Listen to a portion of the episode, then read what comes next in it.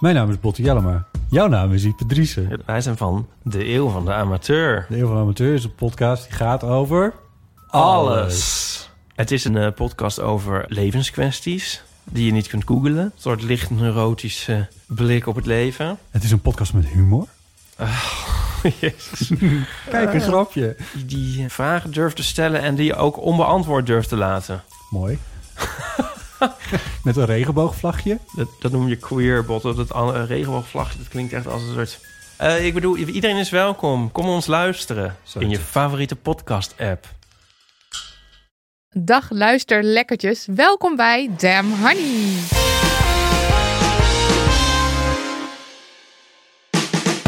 De podcast over shit waar je als vrouw van deze tijd mee moet dealen. Mijn naam is Marilotte En ik ben Nidia. en dit is aflevering 170. En we storten ons in deze aflevering, zoals jullie ondertussen wel weten, met z'n tweeën op de actualiteiten.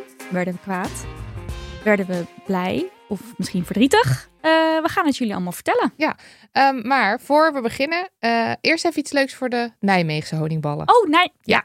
Nijmegen. Nou, Nijmegen en omstreken zou ik ja, willen zeggen. nou laten we zeggen, any honingbal die het leuk vindt en in de mogelijkheid is om naar Nijmegen te reizen, eh, leg jij maar even uit. Ja, al woon je in Australië. In Ja, principe maakt mij niet uit, je gewoon kan gewoon Oké, ja, eh, leg het even uit. Er is dus eh, een pop-up tentoonstelling gaande. Die heet Remember the Rebel. En in die tentoonstelling kan je interactieve kunstwerken bekijken.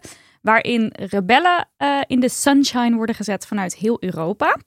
En dat zijn rebellen waarvan eh, de makers van de tentoonstelling vinden... die mogen niet in de vergetelheid raken. En dat gebeurt nogal eens met rebellen. En die pop-up tentoonstelling die kan je dus nu bekijken eh, in Nijmegen, in de Stad Schouwburg, de vereniging, in de foyer. Daar kan je gewoon binnenlopen. Nou, dat aan zich is natuurlijk al hartstikke leuk en geweldig. Eh, en wij hebben al een voorproefje gekregen van de tentoonstelling en het is heel cool. Het met, is eh, heel cool. Het is ook met van die brilletjes met rood en blauwe vakjes. Van Ja, vroeger kennen dus, mensen eh, dat misschien nog. Is visueel gewoon heel, eh, inderdaad, van vroeger, ja. Ja. en dan kijk je eerst met je ene Eén oog door het rode vak en dan door het blauw en dan zie je andere dingen. Nou, Ja. eh, maar dit is een kleine spoiler. Eh, maar waarom we het hier even nog willen noemen is dat er een avond komt die wij mogen hosten met het thema rebelleren, waar mensen gratis naartoe kunnen. Gratis. Ja, en dat Ja. gaat heel erg leuk worden. Het is vrijdag 23 februari van 7 tot 8.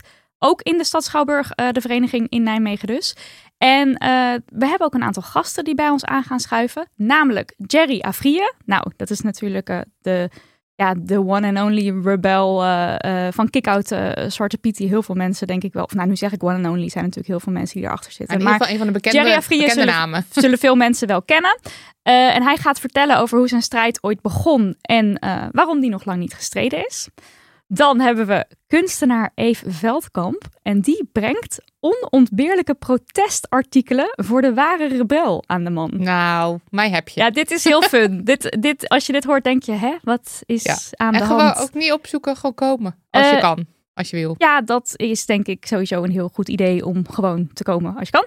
Eh, en dan hebben we ook nog auteur Nikki Dekker. En die gaat voordragen uit haar boek Diep, Diep Blauw.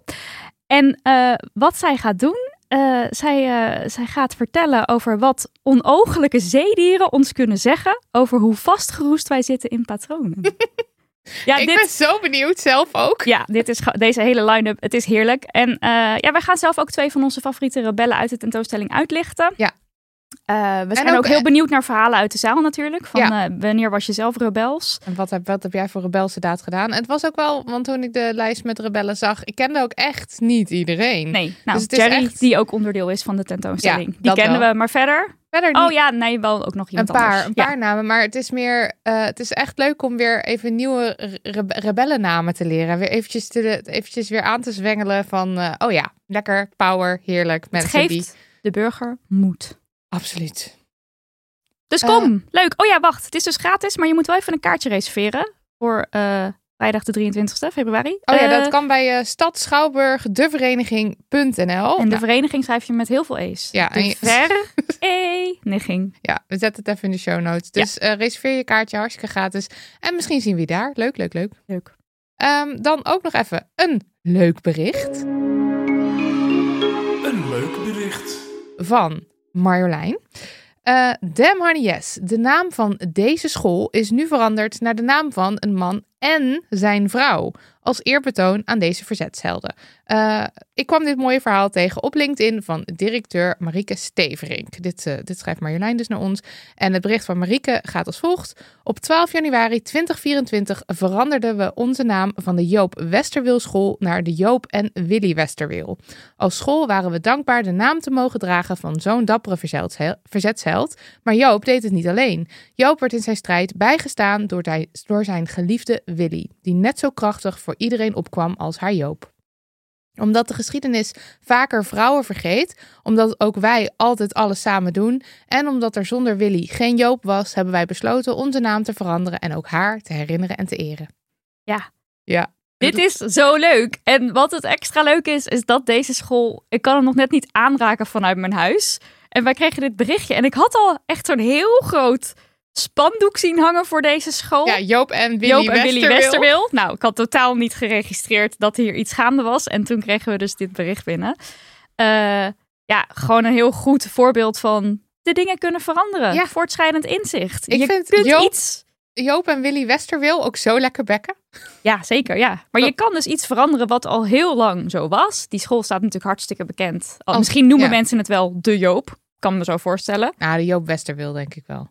Ja, waar zit je op school? De Joop, weet ik veel. ja, het is gewoon eventjes, ja. zeg maar, je De bent gewend aan iets, maar datgene kan je dus aanpassen. Dat bedoel ik te Ja. zeggen. Het kan gewoon. En het is ook leuk. eh, het, het gaf mij ook weer eventjes dat ik daar. Ik kende Joop en We- Willy Westerwil dus Ik had niet. werkelijk waar nog nooit van gehoord. idee. Nou, nooit van gehoord. Wist je, oh, je wist niet hoe die school heette? Nee, ja, oké. Als je zegt Joop Westerwil, dan had ik gezegd, oh, dat is die school. Ja, maar ik had dus geen idee dat deze mensen in de oorlog een rol hebben gespeeld. Nee, wist ik ook niet. Ehm, dus dat is dan ook eventjes, dat was toch ook weer een reden voor mij om er heel eventjes in te duiken. Ja. En eh, nou, Joop en Willy, dat waren dus hele, ehm, ja, wat was het, idealistische mensen.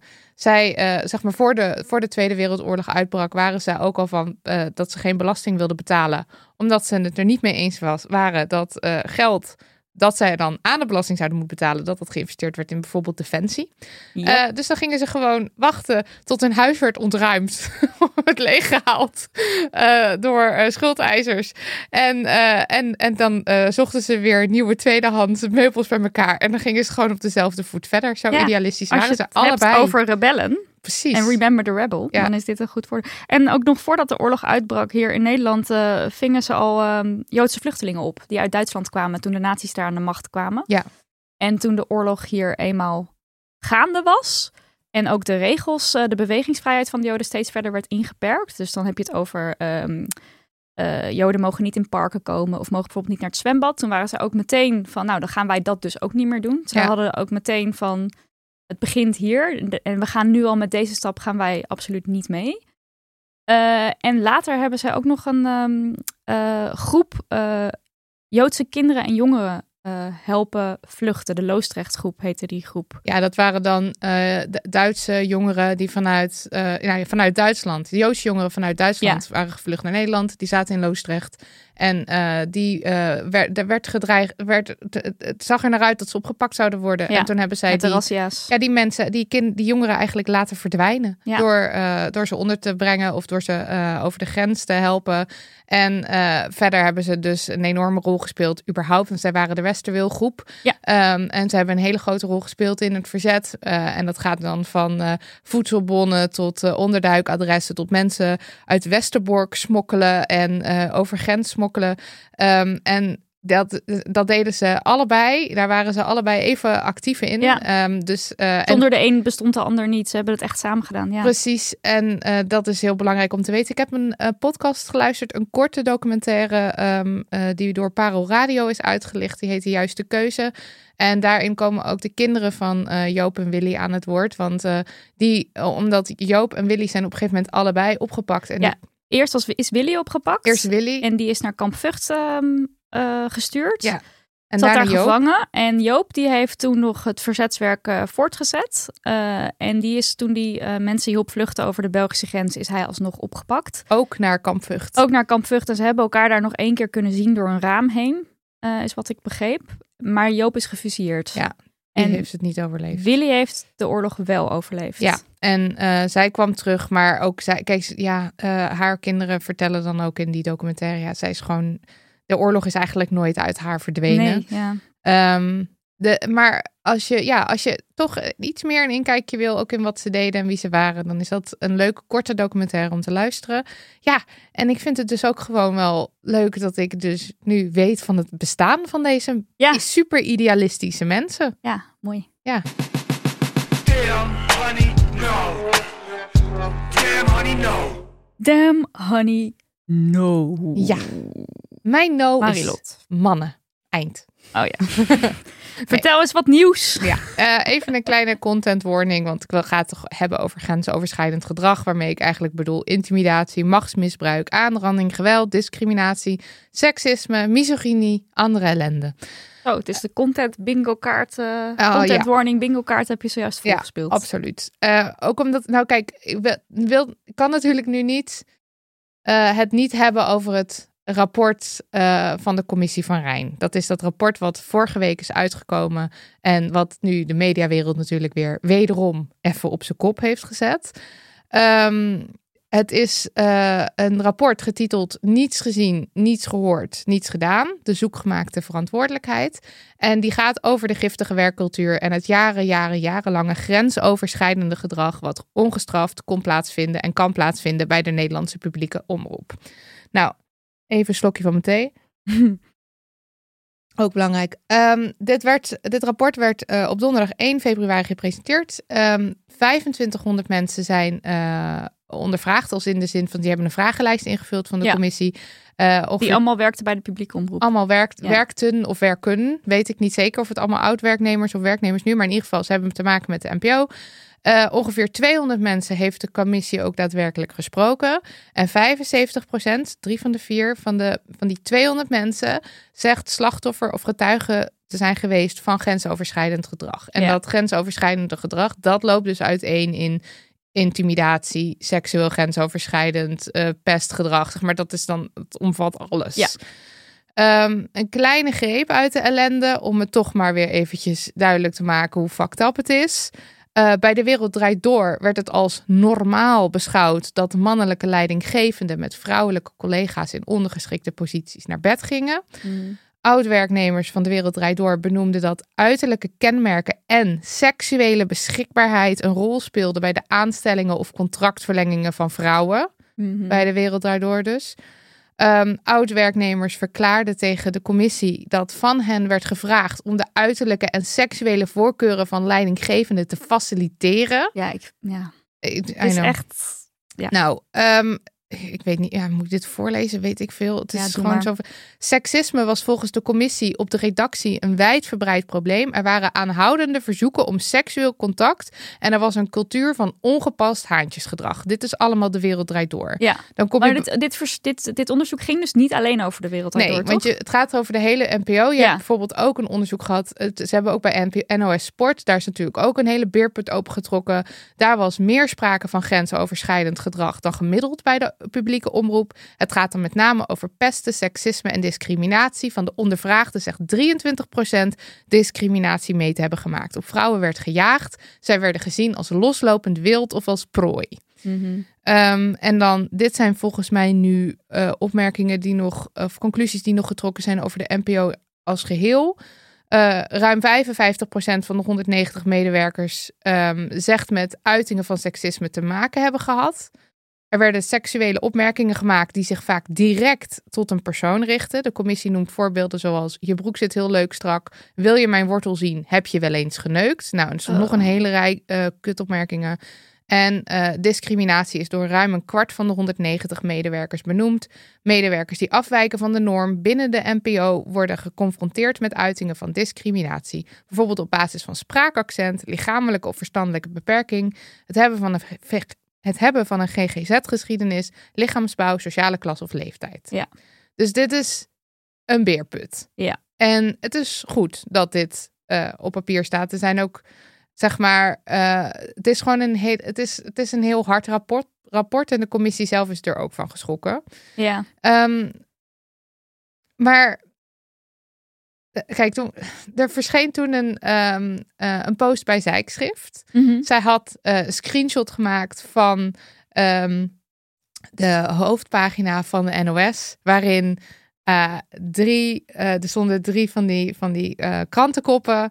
En de eerste was Matthijs van Nieuwkerk voorlopig niet aan de slag bij RTL. Timing verkeerd. Red Bull, baas, Red Bull teambaas Horner beschuldigd van grensoverschrijdend gedrag. En onderzoek naar mogelijk grensover, grensoverschrijdend gedrag van NPO-directeur Van Neen. Ja, En toen schreef op ze- één, één screenshot alle drie te vangen. Ja. Ja. en toen schreef ze erbij wat een tijdbeeld. Ja. En dat is natuurlijk wel echt zo. Zeg maar, ehm, ik, eh, zo- zo'n commissie en zo'n rapport en dat, dat dan eh, namen genoemd worden en dat beerput naar beerput opengetrokken wordt. Dat is natuurlijk iets wat we, denk ik, tien jaar geleden niet hadden gezien.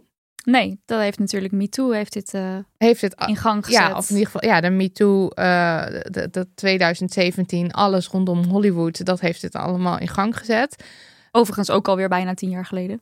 Daar Ja. gaan we langzaamaan heen. Maar Ja, goed, maar ja. tien jaar geleden, voor 2017, was dit denk ik nog niet, was dit niet denkbaar. Nee, maar je ziet dat het in, nu in Nederland steeds meer een eh, punt wordt. Ja, ik denk dat dat heeft de Voice natuurlijk denk ik heel erg gedaan. Ehm, eh, dat dat eh, Boos. programma Boos, de, de Voice beerput, ja, het woord beerput is mijn Is een woord. vandaag. Ehm, maar het is, zeg maar, doet, doet het ook iets? Want het is een soort, eh, ja, wat een tijdsbeeld. En ook, eh zij schreef, Madeleine van Nieuwenhuizen, die schreef ook, het is een soort, soort voorzichtige hoop of zo. Maar je, het- gebeurt er nou ook daadwerkelijk iets? Of worden er gewoon beerputten opengetrokken en verandert er dan niks? Want er zijn steeds, er zijn zoveel schandalen. Je hebt dan Hollywood en The Voice en dan NPO, maar je hebt ook de turnwereld en de toneelwereld en de kunstwereld en de voetbalwereld Ja. en op universiteiten en het wordt allemaal, eh, het, het wordt, dan heb je zo'n exposé in de krant en en dat is Juice natuurlijk. ja, omdat het vaak over grote namen gaat. Precies, er zitten heel vaak BN'ers bij of er zitten mensen bij met macht. En ja, dan, en dat vinden mensen natuurlijk interessant om te lezen. Ja, en dan, kijk, het is wel, als, als, die, als die schandalen ons iets duidelijk moeten maken, is het natuurlijk wel dat als het in zoveel verschillende werelden, zeg maar, gebeurt, ja. dan gebeurt het dus in de hele samenleving. Ja, en daar lezen we natuurlijk niet over. Nee. We lezen we, we- wel, de hele NPO wordt eh binnenste buiten gekeerd om eh, dit rapport op tafel te krijgen, maar niet gewoon het bakkertje op de hoek. Nee, precies. En ik bedoel, daar, eh, je hebt bij het bakkertje op de hoek of gewoon bij de, bij, bij weet ik veel, gewoon het kantoor eh, daar op een, een van de be- bedrijventerrein. Daar gebeurt dit natuurlijk ook. En Ja. het is, kijk, in de mediawereld, nou, dat, daar zit waarschijnlijk alles in de snelkookpan. En er staan natuurlijk camera's op. Dus het is misschien een soort Ja. van, in een soort versnelling of in een Ja, soort... en er is, er is soms wel echt een eh, extreem machtsverschil. Want ehm, Matthijs van Nieuwkerk bijvoorbeeld, ja, het is een beetje flauw om hem elke keer trouwens uit te lichten, maar toch, ehm, ja, dat is dan iemand waar je zo naar opkijkt en waarvan je gedrag dan ook pikt. Want dat is dan, zo gaat het hier nou eenmaal. Eh, en hij is dan ook nog eens de BN'er die eigenlijk alles eh, krijgt wat hij wil. Ja, precies. Dus ik kan me voorstellen dat er in zo'n cultuur het nog makkelijker voor, voorkomt. Maar als je een baas boven je hebt zitten, die dus ook een machtspositie heeft, er kan natuurlijk ook zo zijn van ja, maar zo is die en die nou eenmaal. Ja, ik denk... En ik- die schreeuwt nou eenmaal als hij boos wordt, of die is nou eenmaal zo tegen vrouwen. Ja, ik heb gewoon het gevoel dat zeg maar op die zo, zo, sowieso op een mediawereld, daar ligt dan nu een vergrootglas op, er staan camera's Ja, op. en bescherming natuurlijk, hè? want er gaat ook nog veel ja, geld. er wordt een ook nog veel boven het hoofd Ja, want dan is het zo van ja, maar we kunnen niet zomaar, nogmaals, Matthijs is niet de enige, maar ja, we kunnen niet hem zomaar gaan ontslaan omdat nu eh, een of ander vrouwtje van de redactie eh, Ja. een keer een klacht indient. Maar ja, dit heb je natuurlijk ook bij machtsverhoudingen op gewoon een regular kantoor waar geld verdiend wordt en waar een, mannelijke baas aan het hoofd staat en eh, ongepaste shit doet. En iemand die, die gewoon, weet ik veel, de crediteuren doet, die klaagt eens. En zij, dan, Ja. hebben ze dan ook zoiets van, ja, maar sorry, deze man levert ons heel veel geld op. Dus we gaan daar nu... Ja, en natuurlijk ook gewoon dat vrouwen niet geloofd worden. Precies. Want het is hand boven het hoofd houden. Het is ook stel je niet zo aan. Het hoort er nou eenmaal bij. Het is niet gebeurd. En vrouwen die ehm, volstrekt logisch eh, hun verhaal niet durven, durven te doen. Want je bent bang dat je je baan kwijtraakt. Ja, of omdat je ze, inkomen. zichzelf, omdat ze zichzelf ook nog niet toegeven wat er eh, precies gebeurd is. Of daar gewoon jarenlang over zwijgen. Ik heb toevallig net een interview geluisterd met Vera Pauw. Die komt uit de voetbalwereld. Die heeft vrouwenvoetbal in Nederland op de kaart gezet. Is ook eh, coach. Ehm, en zij heeft een hele nare geschiedenis met de KNVB. Mm. En daar was ook ehm, sprake van verkrachting, wat zij heeft meegemaakt. Ehm, en zij heeft daar jaren, jarenlang gewoon echt over gezwegen. Maar tegen iedereen, ook tegen haar man. En dat laat ook weer zien van, het is niet zo makkelijk. Wat natuurlijk de hele tijd gezegd wordt van, je zegt het toch gewoon, als je zoiets meemaakt. Dat Ja. is niet makkelijk. Nee. En eh, als je dan ook weer kijkt wat de reactie was toen Vera Pauw dan eenmaal wel haar verhaal ging doen. Ja, dat is niet mals wat zij, waar Nee, zij mee te Dan krijg maken je ook weer allemaal shit over je heen. Precies. En, En- dan word je ook weer niet geloofd. En, eh, En daar zit je wordt weer, schaamte- dus weer pestgedrag en ook weer discriminatie komt er dan weer. Dat, het is zeg maar, je, het is niet de aandacht die je wilt. Dus als je het doet, eh, is dat... doet het niet voor aandacht. Nee, Maar, maar, dat is wel het verhaal. maar dat is het verhaal. De- dat, dat, is, nou, dat is gewoon fucked up. En uiteindelijk hebben nou, heel veel vrouwen... ehm, eh, eh, die, die hebben zo'n verhaal. Ik bedoel, ik zag, kijk, ik zag het bij Zijkschrift. Die Ja. had ook weer heel de DM's, de, Weer vol inbox met vol met mensen. Ik weet zeker, als wij een oproep doen van wil je je verhaal delen, dan stroomt onze mailbox Ja, en vol. we krijgen natuurlijk ook heel vaak mails met dergelijke dit. verhalen. En ook niet, al hoeven we niet eens een oproep voor te doen. Nee, en dat is dus zeg maar, het is eerder denk ik een uitzondering eh, dat jij niet zo'n verhaal hebt. Ja. Eh, en het is meer een regel dat mensen, zeg maar, als je vrouw bent, van kleur bent, trans bent, eh, Gehandicapt. gehandicapt bent, als je ook maar op een manier niet voldoet aan die norm, waar ik het al eerder over had, ook in dat rapport hebben, schrijven ze daarover. Als je niet, niet aan die norm voldoet, Ja. dan is er gewoon meer kans op grensoverschrijdend gedrag. En dat is een systeemprobleem. Tuurlijk, ja. En ehm, dus maar toch helpt het wel dat dit nu net naar buiten komt, toch? Ik snap wel dat er een gevoel in zit van... oké, nou weer een rapport. Oké. nou, ik denk Maar zo, het helpt. zo zie ik het toch ook weer niet helemaal. Ik ook niet, maar ik ga een beetje zo heen en weer, weet je wel? Omdat, kijk, Ja, nu, tuurlijk, nu ja. heb je zo'n rapport. En ik kan me dus voorstellen dat het zeker voor eh, werknemers, oud-werknemers van de NPO, die dit hebben meegemaakt en nu eindelijk hun verhaal kwijt kunnen. En dat ze het gevoel hebben dat je serieus wordt genomen. En dat is Ja. ook gewoon heel erg belangrijk. Of dat er misschien iets, iets gebeurt. Het is ook belangrijk, denk ik, om de namen te noemen. Want mensen zoals, eh, weet ik veel, Matthijs van Nieuwkerk, Marco Borsato, Mart Smeets, eh, dat, zijn, dat zijn bullenbakken. Dat zijn gewoon grote, grote bullenbakken. En eigenlijk, i- en het is goed dat die mensen aangepakt worden. Maar het is natuurlijk niet voor niets dat deze mensen de top hebben bereikt. Want dit zijn eh, de mannen die een soort van thriven in deze giftige, dit giftige systeem. Het systeem helpt ze ook omhoog. Ja. Terwijl het andere mensen juist eh, vertrapt. Ja. En eh, dan, dan moet je zorgen dat de gezichten die vastzitten aan deze nare verhalen, dat die, eh, dat die in ieder geval op plekken zitten dat mensen zich niet meer eh, onveilig voelen. Ja. Maar je, je moet toch ook. Je, het is niet genoeg om dan om alleen hen aan te pakken. Want Oh, nee, dat slaat natuurlijk niet. natuurlijk nergens op. Nee, nee, nee. Want het, dat rapport, je zei toch ook dat het rapport iets heet van niks gezien, niks Ja. gedaan. En de zoekgemaakte verantwoordelijkheid. Dus Ja, dus iedereen wijst naar elkaar. Precies, het gaat niet alleen maar om de dader. Het gaat ook al om alle omstanders. Ja. En wat deden die eigenlijk? En welk gedrag werd verexcuseerd? En welk gedrag ehm, werd misschien zelfs gefaciliteerd? Precies. En daar zit natuurlijk een grote cultuurverandering in. Maar ik denk wel dat als je dit soort stukken steeds meer voorbij ziet komen, ehm, dat dat wel, als je dat leest zelf ook als zijn slachtoffer van discriminatie of eh, seksueel grensoverschrijdend gedrag of any narigheid op de werkvloer, dat dat jou wel sterkt in hey, dat wat ik meemaak, dat is Ja. echt. En dat wat ik Ja. daarbij voel, dat rottige gevoel, dat is ook echt. En daar hebben wij het natuurlijk ook wel vaak over gehad dat toen wij helemaal op het begin Damn Honey schreven, dat wij verhalen aan elkaar gingen vertellen. En dat ik dan soms zei over iets wat jij vertelde van... Wow, maar dat is heftig Ja. dat je dat meemaakt. En dat jij zoals van, oh nee, maar dat is gewoon heel normaal voor mij. En eh, ik, eh, ja, ik word wel vaker eh, achterna gelopen op straat door mannen die dan het over mijn kont praten. En dat jij daar zo, ja, een soort norm, ja, zo van, dat is onderdeel van het leven. Ja. En dat je dan pas door te zien dat mensen zeggen dat is niet oké, gaat realiseren. Het oh, is wacht, niet oké. Het is niet oké. Ja. omdat we zo allemaal in dat systeem zitten, dat we soms niet eens doorhebben dat er sprake is van discriminatie, seksueel grensoverschrijdend gedrag, et cetera, et cetera. Nee, dat is waar. En ik, ehm, want nou, dit, dit, eh, deze ehm, video van Vera van Zelm werd ook eh, veelvuldig gedeeld op Insta, waarin zij zegt van, ehm, de- zij heeft dan ook dat meegemaakt. Zij Ja. begon in de stand-up comedian, comedian wereld, ook zo'n mannen gedomineerde wereld. En zij had gewoon het idee dat het allemaal aan haar lag. Ja. En dat idee heb Ja. je natuurlijk als je alleen bent en je praat er niet over en je hebt het gevoel dat het normaal is. Net zoals ik dacht dat het normaal was dat ik gewoon de hele tijd nageroepen word. Je hebt het gewoon het gevoel, oh het ligt aan mij. Oh het komt door mij. Ja.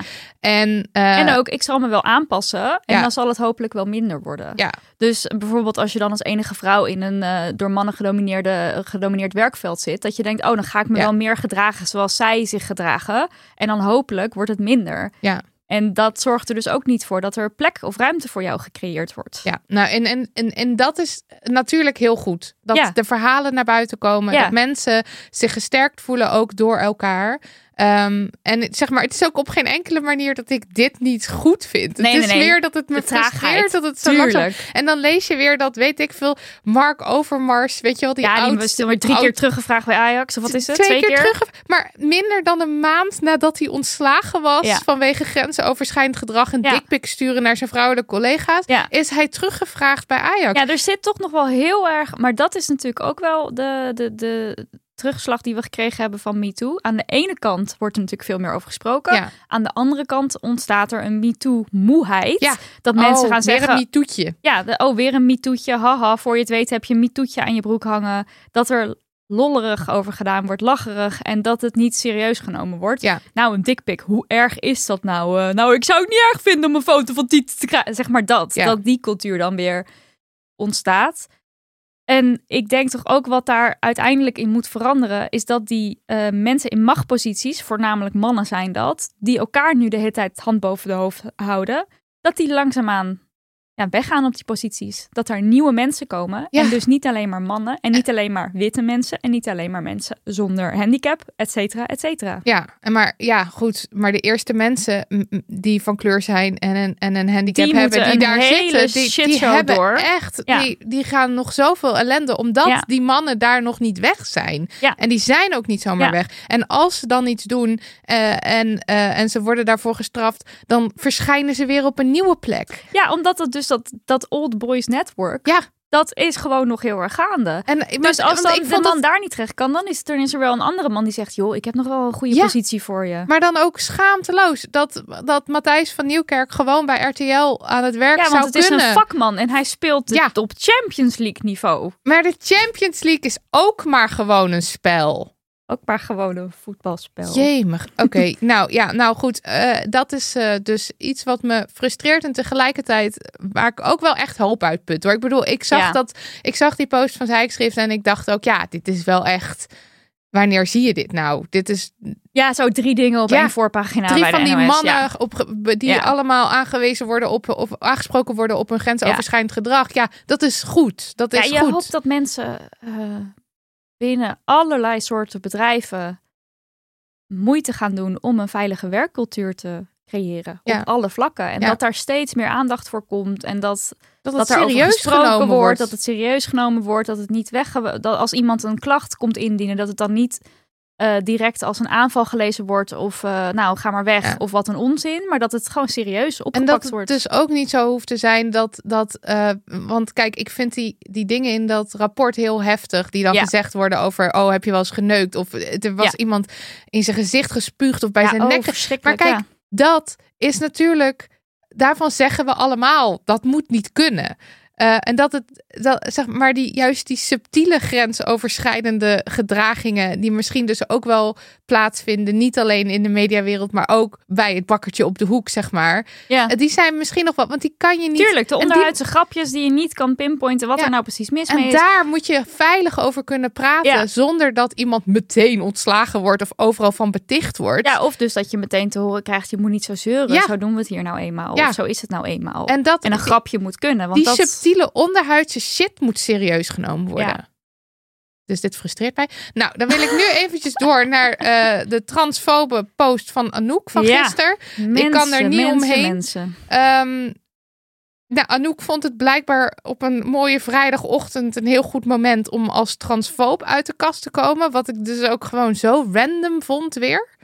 Ehm, heel eventjes een samenvatting van wat er gebeurde. Zij postte een foto eh, op Threads. Eh, foto van menstruatiebloed in de wc. En daar stond bij: Chopping of your pee doesn't make you a woman, but this will.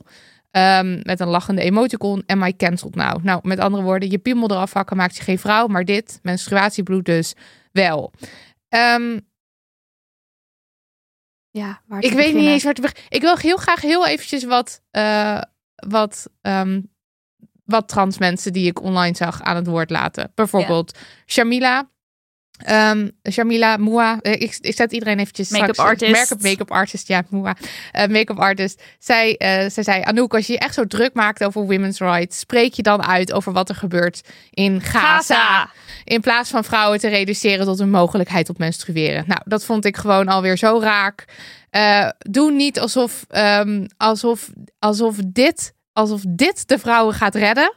Alsof jij, alsof, eh, ga- maak je gewoon druk over andere Waar shit. komt toch die obsessie vandaan met trans mensen? In dit geval dan trans vrouwen. Ja, Waar, wa- hoe haal je het in je hoofd? dit heb ik ook Ja, ik snap het niet. En ik snap het ook wel. Want dit is dus wat je krijgt als de media jaar na jaar dit voedt, dit Ja. sentiment. Ja. En maar de hele tijd aandacht geeft aan de turfs. ehm, dus de trans-uitsluitende radical feminist, eh, wat, waar dat voor staat.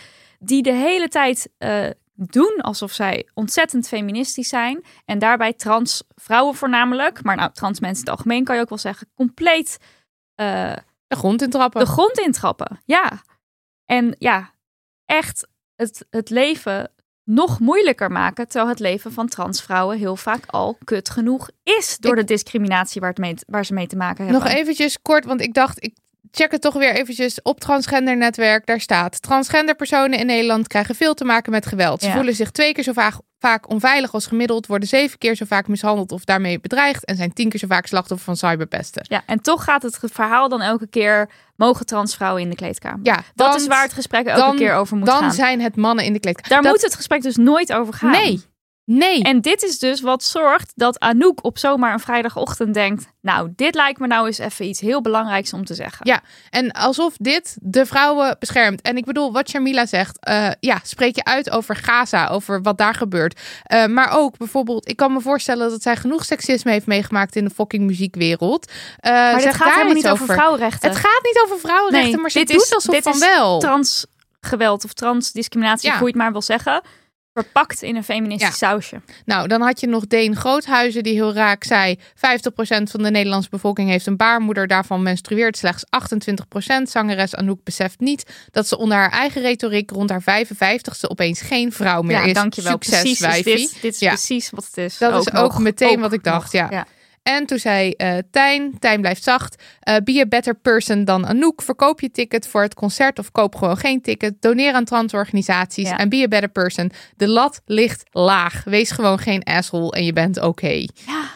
Ja. Nou, ik, beter dan dat kan ik het niet zeggen. Maar ik denk ook, ja, want en dan had ze vandaag weer een soort. eh, ze heeft al haar reacties natuurlijk uitgeschakeld overal. En dan Ja, maar staat er had nu toch op- ook zoiets gezegd van ik zal hier wel weer om gecanceld worden ja, of zo. en mij cancelt nou. Ja. Nee, Anouk, nee, je wordt niet gecanceld. Want je, bent gewoon, je hebt een gigantisch platform. Ja. En mensen loffen je. En nee, je wordt niet gecanceld. Wat loop je nou, wat loop je nou kut te doen? Mensen, transpersonen, de, dat is hier de club die de ja, groep die mensen. uitgesloten en gediscrimineerd Ja. wordt en die dus gecanceld wordt. De wachtlijsten voor transzorg zijn ook belachelijk lang. Wat weer zorgt voor langere genderdysforie. Eh, ook, ook jezelf moeten gaan bewijzen in die gesprekken over... ja, ik ben echt trans genoeg volgens jullie regeltjes die jullie hier hebben opgesteld. Het is allemaal zo niet oké. Maar Nee. goed, ehm, Ehm, luister de aflevering met Maeve, die we, Maeve Levy, die we hier ooit over maakten. Over alle eh, ja, fabels die in de media rondgaan rondom trans mensen.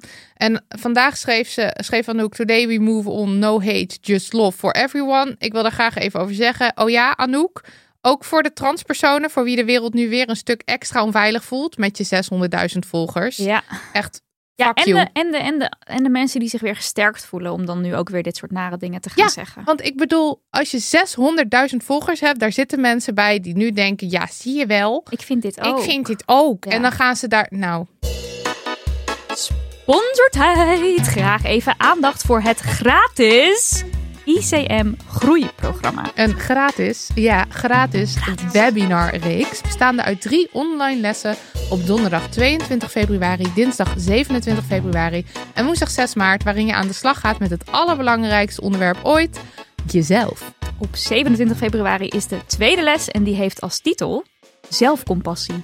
Hoe kun je vriendelijker omgaan met jezelf? Da, een skill die ik zeker nog kan aanscherpen. Vandaar Ja. ook dat ik me ontzettend heb ingeschreven voor dit groeiprogramma. Ja, jij kan altijd heel streng zijn tegen jezelf. Ja, nogal. Echt een naar mens.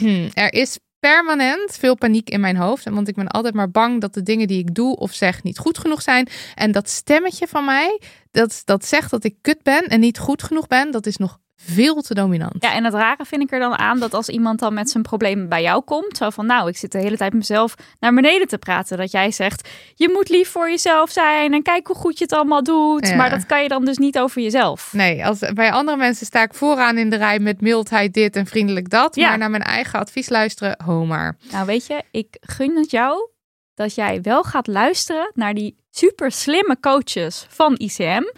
Eh, die jou dan kunnen gaan leren omgaan met dat stemmetje wat de hele tijd irritant zegt van je bent niet goed, je bent niet goed. Nou, ik heb erg veel zin om met minder veroordeling naar mezelf te kijken. Ja, dat doe ik wel. Dat veroordelen naar je kijken. Meid, Kijk, het ik zou doe het me- nu. Ja, ik zie het. Het zou me tegenvallen als je het niet deed. Ga naar icm.nl slash groeiprogramma en meld je gratis, gratis, gratis aan. ik gooi hem er nog even in. ICM, je kunt meer dan je denkt.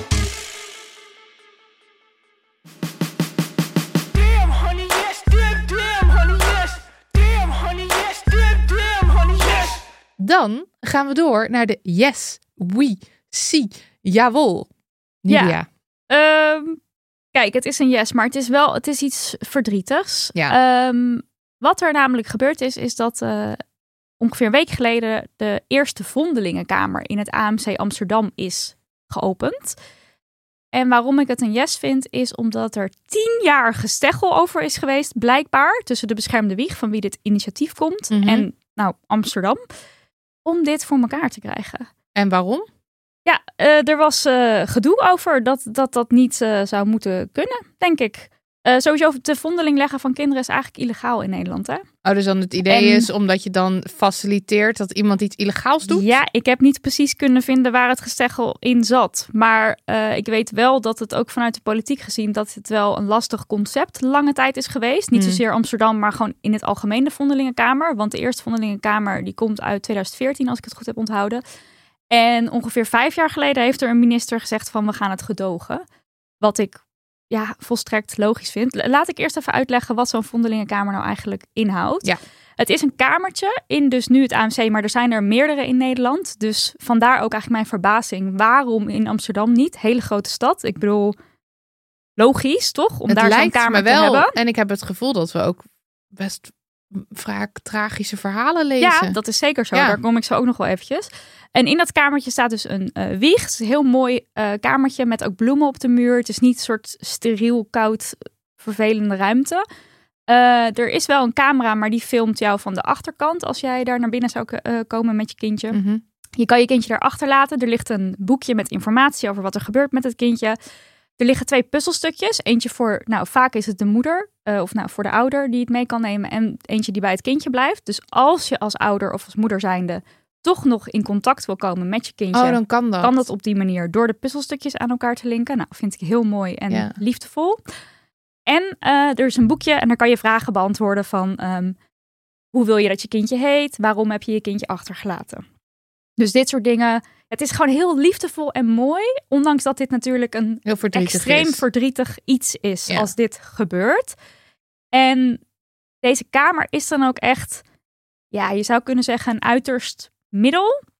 Het is helemaal niet de bedoeling van de beschermde wieg om nou deze kamers vol te laten lopen met kinderen Nee, precies. natuurlijk. Dat, dat aan de lopende band eh, vondelingen daar nee, neer dat worden is natuurlijk helemaal niet het idee erachter. Het is een uiterst noodmiddel. ehm, ja, voor voornamelijk dus moeders die er gewoon, die gewoon echt niet weten wat ze met hun kindje moet. Die gewoon echt Ja, radeloos ja, zijn. radeloos zijn inderdaad. En dus om te voorkomen dat het kindje op een onveilige plek wordt achtergelaten. En dat is dus al vaker gebeurd. Ehm, en dan specifiek in Amsterdam is dat ook al een paar keer gebeurd. 2014. Heb ik een content warning gegeven? Nee, Nee. nog niet. Oké, dit dit, dit zijn natuurlijk heftige verhalen die ik nu ga vertellen. Ja. Als je het hebt over kinderen die achtergelaten worden. Dus, nou, daar komt hij. In 2014 is er een kindje in een vuilcontainer gevonden. In ehm, 2018 de Sloterplasbaby gevonden. Een jongetje die al overleden was. En in 2021 is er dus weer een kindje in een vuilcontainer gevonden. En dat kindje heeft eigenlijk ervoor gezorgd dat deze vondelingenkamer toch wel ja, Ja. wat meer urgentie kreeg. Dat er toch wel meer gezien werd van ja, dit, dit kan zo niet langer. Er was ook nog een kindje trouwens van vier dat op Centraal Station was achtergelaten in Amsterdam. En dat laat zien, hoe treurig het ook is, dat er radeloze ouders zijn die gewoon niet weten wat ze moeten doen. Nee. En dus voor deze optie kiezen. En een veilige optie bieden is dan zo belangrijk dat dat er in ieder geval is als ouder als Ja. je dat wil gebruiken. En als je het dan hebt over die ouders, dat zijn dus vaak hele eh zorgmijdende mijdende mensen die dus helemaal niet in contact zijn met ehm, eh, nou, een verloskundige of zeg maar iemand die de zwangerschap in de gaten houdt. Eh, ook, het gaat dus ook over moeders die bijvoorbeeld alleen bevallen Ja. of eraan denken om dat in hun eentje te gaan doen. Eh, er kan sprake zijn van incest, van verkrachting. Er kan ontzettend veel schaamte over de zwangerschap zijn, bijvoorbeeld vanuit religieus of cultureel ehm, opzicht. En natuurlijk armoede. Dus extreme financiële. eh, gewoon armoede, waardoor je gewoon echt niet weet als ouder van wat de fuck moeten we nu? Gewoon Ja. die radeloos vraag van wat nu? En wat de beschermde wieg dus doet, is ehm, niet alleen die vondelingenkamers. Ze hebben ook een hulplijn die je 24 uur per dag, elke dag kan bellen. En daar kan je dus aankloppen met die vragen wat nu? En de hulpverlener die zal dat altijd eh, insteken, het gesprek, neutraal. Dus niet vanuit een bepaalde levensovertuiging, niet, niet vanuit het sturen naar we zijn bijvoorbeeld tegen abortus. Ik heb begrepen dat daar Ja. Nogal eens kritiek op kwam. Bij eh Mion Nusseling heb ik dit wel eens gezien. Ehm, eh, haar moeder is namelijk directeur van Beschermde Wieg. En zij heeft wel eens iets over Beschermde Wieg ehm, gedeeld op haar stories. En dat ze dan dus heel veel eh, nare berichten daarover kreeg. Ja. Van, eh, en, eh, en deze mensen zijn anti-abortus. Nee, dat is totaal niet zo. Ik heb ook inderdaad een keertje eh, in DM een, een, zat ik opeens in een discussie over de beschermde wieg. Ja, dat zij mensen zouden afsturen van, eh, van abortus. Mhm. Eh, en daar, toen werd het in, de, in dat gesprek werd, eh, werd de beschermde wieg vergeleken met die religieuze Ja. centra in Amerika, waar je dan zogenaamd geholpen neutraal worden. Maar, kan ja, als je zwanger bent. precies. Maar uiteindelijk is het wel gewoon de bedoeling dat je zelf bevalt. Ja. En dat is echt nadrukkelijk niet zo. Nee, en wat deze hulpverleners doen, wat ik dus ook heel mooi en goed vind, is dat zij met, dus nogmaals, voornamelijk de moeder, ik kan wel het de ouders zeggen, maar het gaat voornamelijk om de moeder, het gesprek aangaan van, hey, wat zijn nou eigenlijk jouw overtuigingen, jouw normen en waarden? Waar, wat is jouw achtergrond? Waar, wat vind jij belangrijk? En vanuit daar kan er gekeken worden naar een passende, ehm, ja, passende manier van omgaan met de onbedoelde of de ongewenste zwangerschap. Dat kan dus heel veel zijn. Hè? Je hebt dan bijvoorbeeld de opties pleegzorg. Je hebt toch zelf voor het kind zorgen. Je hebt moeder-kindhuis, dat je na je bevalling een aantal maanden daar gaat wonen. Dan word je intensief begeleid, zodat je eerste maanden wat soepeler verlopen als je met je handen in het haar zit, dat je niet weet hoe en wat. Ehm, adoptie, ik weet niet of ik dat al genoemd had in het rijtje, volgens mij nog niet. Eh, dus er zijn, er zijn veel verschillende mogelijkheden. Ja. En eh, Kitty Nusseling, dus de, de directeur van ehm, de Beschermde Wieg, die geeft ook aan voor een groot deel, de vrouwen die bij hen komen, eh, gaat uiteindelijk voor het kindje zelf zorgen. Maar zij hebben wel even die, net even die hulp en die informatie nodig van, hè, hoe kan ik dit nou aanpakken? Ja, en soms, weet, zeg maar, als je er middenin zit, zeker in zo'n heftige situatie, dan zie je dat gewoon niet meer. En dan heb je Nee, maar ik zou het ook allemaal niet weten hoor. Nee. Ik bedoel, zoals zo'n moeder-kindhuis. Ja, ik wist eigenlijk helemaal niet. Ik weet wel van blijf van mijn lijfhuizen en zo. Maar dat is dit dus niet per se. Nee. Eh, ik, ja, ik weet ook niet dat al die opties bestaan. En hier, ze zegt dus echt, afgelopen jaar hebben we 1500 vrouwen geholpen. En dan daarvan dus de meeste vrouwen die in eerste instantie afstand willen doen van het kindje, die gaan dan toch, eh, die moeders Ja, die zorgen omdat toch je zelf. dus gewoon de, de tools en de hand van. En, nou ja, Ja. en als dat dus een eigen keuze is, geheel neutraal verder glijdt, dan is dat toch prachtig. Ja, ja, vind ik ook. Ja. Ja. En wat ik ook er mooi aan vind, is dat ze dus helpen met ehm, de gezo- een gezonde zwangerschap. Of in ieder geval de zwangerschap monitoren. Want op het moment dat jij het dus heel erg geheim wil houden en je dus ook geen hulp zoekt. Nee, dan heb, Normaal je, gesproken, als je zwanger bent, heb je al die onderzoeken ja, dan en ga, je, dan ga je gewoon een soort traject in. Van nou, en op, na zoveel weken dit en dan dit. En je wordt op de hoogte gehouden van wat er gaande is. Het kindje wordt in de gaten gehouden. Het lijkt me, En ook- natuurlijk een zwangerschap eh, of een bevalling alleen doen. Ja, het lijkt me echt traumatisch. het engste ooit. Ja. Gewoon het hele zwanger zijn en dat je de hele lijf, ja. allemaal sensaties. Nee, dat lijkt me, dat, nee. Eh, ook nog ehm, goed dat sinds de oprichting van de vondelingenkamers eh, dus er is. Het aantal vondelingen eh, en dus, eh, ja, ik vind het een verschrikkelijk woord, maar babylijkjes. Ja, hoe moet ik het anders zeggen? Ja. Neemt af. Dat, daar is onderzoek naar gedaan. Dat blijkt dus uit de cijfers. Eh, en dan voor onze oprichting werden jaarlijks vier tot zes vondelingen op een onveilige plek gevonden, zegt eh Nusteling. Nu is dat er ongeveer één per jaar. Ja. Dus dat is ook gewoon Oh yes. heel mooi en Ja. goed. Dus ja, het is iets heel, ik vind het iets heel verdrietigs, maar de manier waarop dit gedaan wordt, Ja, ik ben heel blij mooi. Dat, en dat het zo ja. lang heeft geduurd. Oh ja, en wat ook nog wel goed is om te weten, eh, en ook wat ook verschrikkelijk is, is dat ouders, moeders, die dus voor gruwelijke dingen kiezen als kindje in de vuilcontainer, dat het nog wel eens blijkt dat ze dat dan daarvoor ook al een keer gedaan hebben. Want Oh. het is dan, ja, de, ja, de oplossing. Of in hun, ja, kijk, als je radeloos bent, denk ook dat we niet met te veel oordeel naar deze mensen moeten kijken. En dat is heel moeilijk, dat snap ik ook wel. Maar bijvoorbeeld van het kindje van 2021 bleek dat er twee jaar eerder ook al een Oh. soortgelijk incident bij deze ouders was gebeurd. Deze ouders die, ja, die komen daar ook niet zomaar mee weg, even tussen aanhalingstekens. Als in die moeten, die gaan jeugddetentie in of die krijgen gevangenisstraf als ze meerderjarig zijn. Dus het is ook niet dat ik zeg, eh, nou eh, ja, als je het zo slecht hebt, dan eh, Is is, het volstrekt logisch. Ja. En dan, nee, natuurlijk niet, natuurlijk niet. Maar ja, nou ja, probeer met enige mildheid toch ook te kijken naar de situatie van mensen. Ja, ik denk ook, het heeft natuurlijk geen, geen zin om alleen maar, eh, alleen maar hard te straffen. Of alleen maar te zeggen, eh, we, we gedogen dit niet eens, want het is illegaal. Want met zulke strenge regels is het nog steeds niet zo dat de, dat de situaties niet voorkomen. Je Nee, kan en waardoor komen de situaties niet voor? Dat kan je natuurlijk ook afvragen. Weet je wel, als je het hebt over dus financiële problemen. Precies. Ik eh, bedoel, ja, uiteindelijk zijn dit ook mensen die dus op een bepaalde manier weer slachtoffer zijn geworden van een Ja. systeem. Ja. eh, waar, waarin zij dus gewoon niet meedraaien. En dus, gewoon echt niet weten wat een andere uitweg is. dus dan is het en belangrijk om regels te handhaven. Sure, mensen moeten daar ook in begeleid worden. Of weet ik veel, op een manier toch. eh, nou, ik wil niet zeggen, ik- ja, nou ja, waar ze ook in zitten, detentie. Eh dat, dat moet natuurlijk iets gebeuren. En tegelijkertijd moet je dus ook streng gaan kijken naar het systeem. Waar Ja, gaat dit dan mis? Precies, en, wat kunnen we doen? En dan zo'n vondelingenkamer is een optie. Wat trouwens ook nog goed is om te zeggen, want ik had het net wel echt over heel anoniem je kind daar achterlaten. Maar je kan dus ook op een knop drukken om aan te geven, ik wil wel met een hulpverlener praten. En ik dacht ook dat de keren dat de vondelingenkamer gebruikt is, in dus tien jaar dat ze al eh, bestaan in Nederland, dat ze dus sowieso nog maar heel weinig eh, gebruikt zijn. En ik geloof ook eh, ja, vrijwel altijd, zo niet altijd, niet anoniem Ah, uiteindelijk. En ik las En je hebt het echt over maar een paar keer. Echt ja, op één hand over tellen, twee keer geloof per ik. jaar of zo gemiddeld. Ja, heel, het, is dus, het komt eigenlijk dus heel weinig voor. Ja. En ehm, ja, goed dat het er is. Ja. ja. Ja.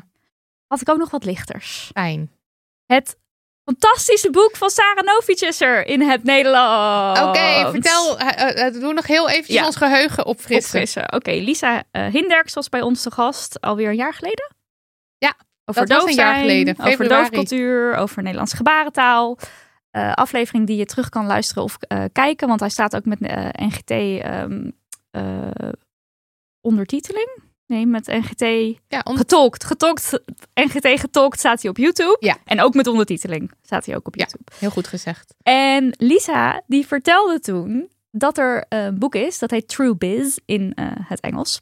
En dat dat vertaald gaat worden. En dat dat gaat over. eh, het is een roman. En het gaat over de doofcultuur, de doofgemeenschap. En ehm, ik vind de titel True Biz heel cool. Ik vind het ergens jammer dat dat niet op die manier vertaald is. Want True Biz is. eh, het is een, een soort eh, uitdrukking in American Sign Language. En in het Engels kan je het dus eigenlijk niet goed vertalen, want het is echt ESL. Maar het betekent zoiets als real talk. Een soort van let's get real. Oh ja. Zo- zo- dat is, maar het is, ik vind het dus heel vet dat een boek wat zo gaat over de dove gemeenschap, ook geschreven is door een dove auteur, dat dat ook een ESL-titel heeft. En in het Nederlands heet het Zoals onder water. En daar was jij minder enthousiast Daar was over. ik minder enthousiast over. Ik moet eigenlijk nog vragen aan Lisa hoe zij er naar kijkt. En ik wil ook niet, ik wil ook niet te streng zijn, maar ik vond dat jammer. Ja. Eh, maar goed. Eh, het boek is geweldig. Je volgt drie verschillende personages die allemaal op een andere manier een eh, link hebben met de doofgemeenschap, daar onderdeel van zijn. En de doofgemeenschap is natuurlijk heel divers. Je hebt bijvoorbeeld mensen die zijn doof geboren en die hebben vanaf jongs af aan sign language tot hun beschikking gekregen. Dus die hebben een eh, hele goede communicatievorm vanaf heel jongs af aan bij zich eh, kunnen dragen. Bijvoorbeeld omdat ze geboren zijn bij ouders die zelf ook doof zijn en eh, gebarentaal meegeven. Of omdat de ouders ervoor kiezen om gebarentaal te leren. Dat schijnt echt een schrikbarend laag percentage te zijn. Hè? De ouders die ervoor kiezen om sign language te gaan leren op het moment dat ze een doof kind krijgen. Ja, dat vind ik ook... Wat? Je- Ja, precies. Eh, maar je kan ook geboren worden als ehm eh, doof kind bij eh, horende ouders. Dat gebeurt relatief gezien ook veel vaker. Ehm, en dan vervolgens niet die tools meekrijgen van die gebarentaal. Ja. Dus eigenlijk gedwongen worden om mee te gaan in het horende systeem. Je krijgt dan bijvoorbeeld een CI, cochleair implantaat. Waardoor je voor sommige mensen in sommige gevallen best goed kan horen. Maar in andere gevallen toch eigenlijk wel heel vaak de weg kwijtraakt. Als er bijvoorbeeld meerdere mensen door elkaar heen praten. Ja. Nou, hoeveel situaties kan je wel niet bedenken dat het niet doodstil is. En er je recht naar iemand kan kijken en dus kan liplezen en heel goed gefocust kan luisteren. Ja, klasse. Dat is 90% OV, van je, van ja, je leven eigenlijk. Heel veel van de situaties. Dat betekent dat je dus buiten de boot valt. Want je, je gaat niet mee in de dove gemeenschap. Want je hebt die, die taal niet geleerd. Maar je kan ook niet mee met de horende Ja. mensen. En je hebt ook natuurlijk nog de CODA, dus de Child of Deaf eh, Adult. En dat zijn dus eh, kinderen die eh, horend geboren worden bij dove ouders. En die hebben vaak de gebarentaal als moedertaal, maar die hebben dus ook de Nederlandse, het Nederlands Die zijn of Engels. tweetalig. Die zijn hartstikke tweetalig, inderdaad. Ja. Maar die maken allemaal onderdeel uit van die gemeenschap. Ja. En in dit boek volg je dus drie verschillende mensen. Twee tieners en iemand van, ja, wat zou ze zijn? Een jaar of vijftig, denk ik. Eh, die dus allemaal op een verschillende manier in deze gemeenschap staan. En Heel leuk. het is ten eerste gewoon een heerlijk, heerlijk verhaal waar je lekker in meegaat. Maar je leert dus ook heel veel. Ja, want eh, eh, we waren eh, even op reis deze week en Nidia die zat de hele Zat tijd tegenover mij in de, facts te in de trein. Zit ze dan zo opeens weer van alles te gebaren. En wat ik dan dus nu leuk vind is als jij iets gebaart dat ik het ook wel een beetje kan oppikken omdat we dus zelf ook een beetje gebarentaal kunnen. Ja, ja, we doen nog steeds ons best. Maar ik was vooral heel benieuwd hoe Lisa natuurlijk naar het boek kijkt. Dus ik heb gevraagd of zij even wat op papier wilde zetten. En dat heeft ze gedaan. Sarah Novic geeft een mooi inkijkje in de diversiteit van dove levens. Ook geeft ze mooi weer hoe verschillende jongeren die wel of niet met gebarentaal zijn opgegroeid, hun eigen doofheid kunnen ervaren en hoe ze op verschillende manieren in de maatschappij bewegen. Maar daarnaast gaat het boek ook gewoon over leven als een jongere. Over vrienden maken, over ruzie met ouders, over verliefd worden en feestjes. Maar ook onderwerpen zoals racisme, taaldeprivatie of trauma's. Voor mijzelf was het een feest van herkenning, maar ik denk dat het voor horende mensen echt een eye-opener gaat zijn. Het leuke is dat je tussendoor ook informatie krijgt over gebarentaal. In de Nederlandse versie vooral over NGT en in de Amerikaanse versie over ESL, American Sign Language, eh, en dove cultuur. Een leuke roman waarbij je ook nog veel leert. Nou, Ja, leuk. en eh, Lisa die heeft dus meegeholpen aan de, aan de Nederlandse vertaling. Hè? Want dus alle, alle, Alle NGT-plaatjes die ja. erin zitten, die zijn dus, het is allemaal echt NGT, Nederlands gebarentaal wat je ziet in de vertaling. En eh, er zit ook dus NGT in de tekst. Dus dat heeft Sarah Novic. die- Je hebt natuurlijk in het boek mensen die met elkaar spreken, maar ook mensen die met elkaar gebaren. En dat heeft ze dus ook in de tekst Maar wacht, staat het, staat het al er staan niet met getekend? plaatjes, Oké. niet met plaatjes, maar in tekst eh, maakt ze dat visueel. Zo, aan de linkerkant van de pagina heb je dan de ene persoon, en aan de Ah. rechterkant. Leuk. Ja, het, ja het is, ik vind het echt een geweldig boek en ik denk dat heel veel mensen dit zouden moeten lezen. Al is het maar om te zien tegen wat voor muur je oploopt als je dus doof bent en hoe niet inclusief die maatschappij is. Ja, fucking dominant. Maar ook gewoon voor de heerlijke personages, want ze zijn... ze ik zat de hele tijd hard op te lachen, Ja. een beetje te gniffelen. Dat kan ik bevestigen. En ehm, ik, ik eh, zag ook dat Sarah Novic had ergens erover gezegd... het is een coming-of-age verhaal, want je volgt dus twee tieners... maar ook een coming-of-middle-age verhaal. Want je volgt iemand van ja, je volgt ook 50. iemand die wat ouders, dat is de directeur van een dovenschool. En zij heeft bijvoorbeeld weer te maken met een dementerende moeder die doof is. En ja, wat gaat ze naar een verzorgingshuis? Ja. Tussen welke mensen komt ze dan terecht? Eh, er wordt een baby geboren, eh, geboren bij, een, eh, bij een doof gezin. Is het kindje dan horend of doof? En wat voor implicaties heeft dat dan? Echt allerlei verschillende... Ja, je kan het denk ik ook zo drie keer achter elkaar lezen. Om Ja. het weer opnieuw... Fun. Mensen moeten het Ga echt lezen. lezen. Zoals Onder Water En- van Saranovic. Ik kan niet wachten op een verfilming. Ja, Het jij was het al aan het googelen. Ja, er schijnt een serie van gemaakt te worden.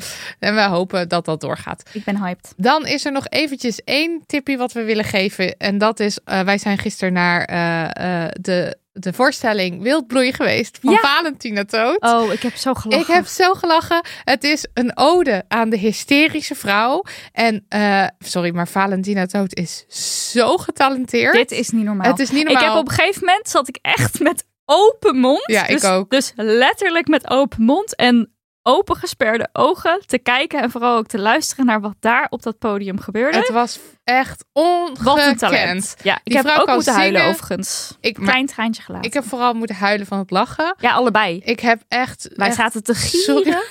Het was zo grappig. Maar zij doet typetjes heel goed. En, eh, maar, en ze kan dus geweldig zingen en geweldig piano spelen. En dat allemaal bij elkaar. eh, Dat komt een soort van samen op dat podium. Het is één grote ontploffing.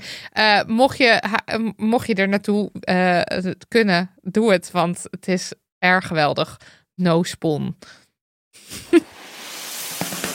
Dit was aflevering 170. De show notes vind je op damnhoney.nl slash aflevering streepje 170. En in de loop van de week verschijnt daar ook het transcript. Lisbeth Smit en Lucas de Gier, wij danken jullie op onze blote knietjes voor being onze rocks in de branding.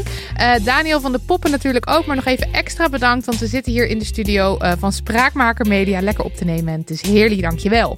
Bedankt transcriptteam Marleen, Marlou, Marloes, Elise, FQ, Shura, Barbara, Joan, Fenna, Sabine, Meike, Dirk, Laura, Lisanne, Rivka, Sabine en Hanna. En wij kletsen nog even door, toch?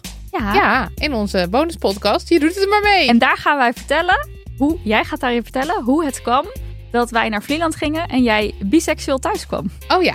Dat, Dat was nog eens een plot twist. Tu, tu, tu.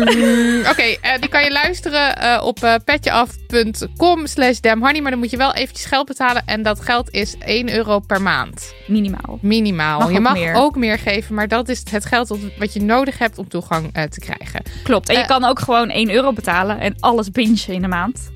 En dan alles my uitzetten. En dan zet je het weer uit. Ja, precies. Dus dan Ja. kost alles je We- 1 euro. We proberen het nog toegankelijk te maken binnen de ontoegankelijkheid van de paywall. Laten we het zo zeggen. Eh, eh, post kan natuurlijk ook naar ons toe. Dat is eh info at damhoney.nl. Stuur ons allerhande dingen.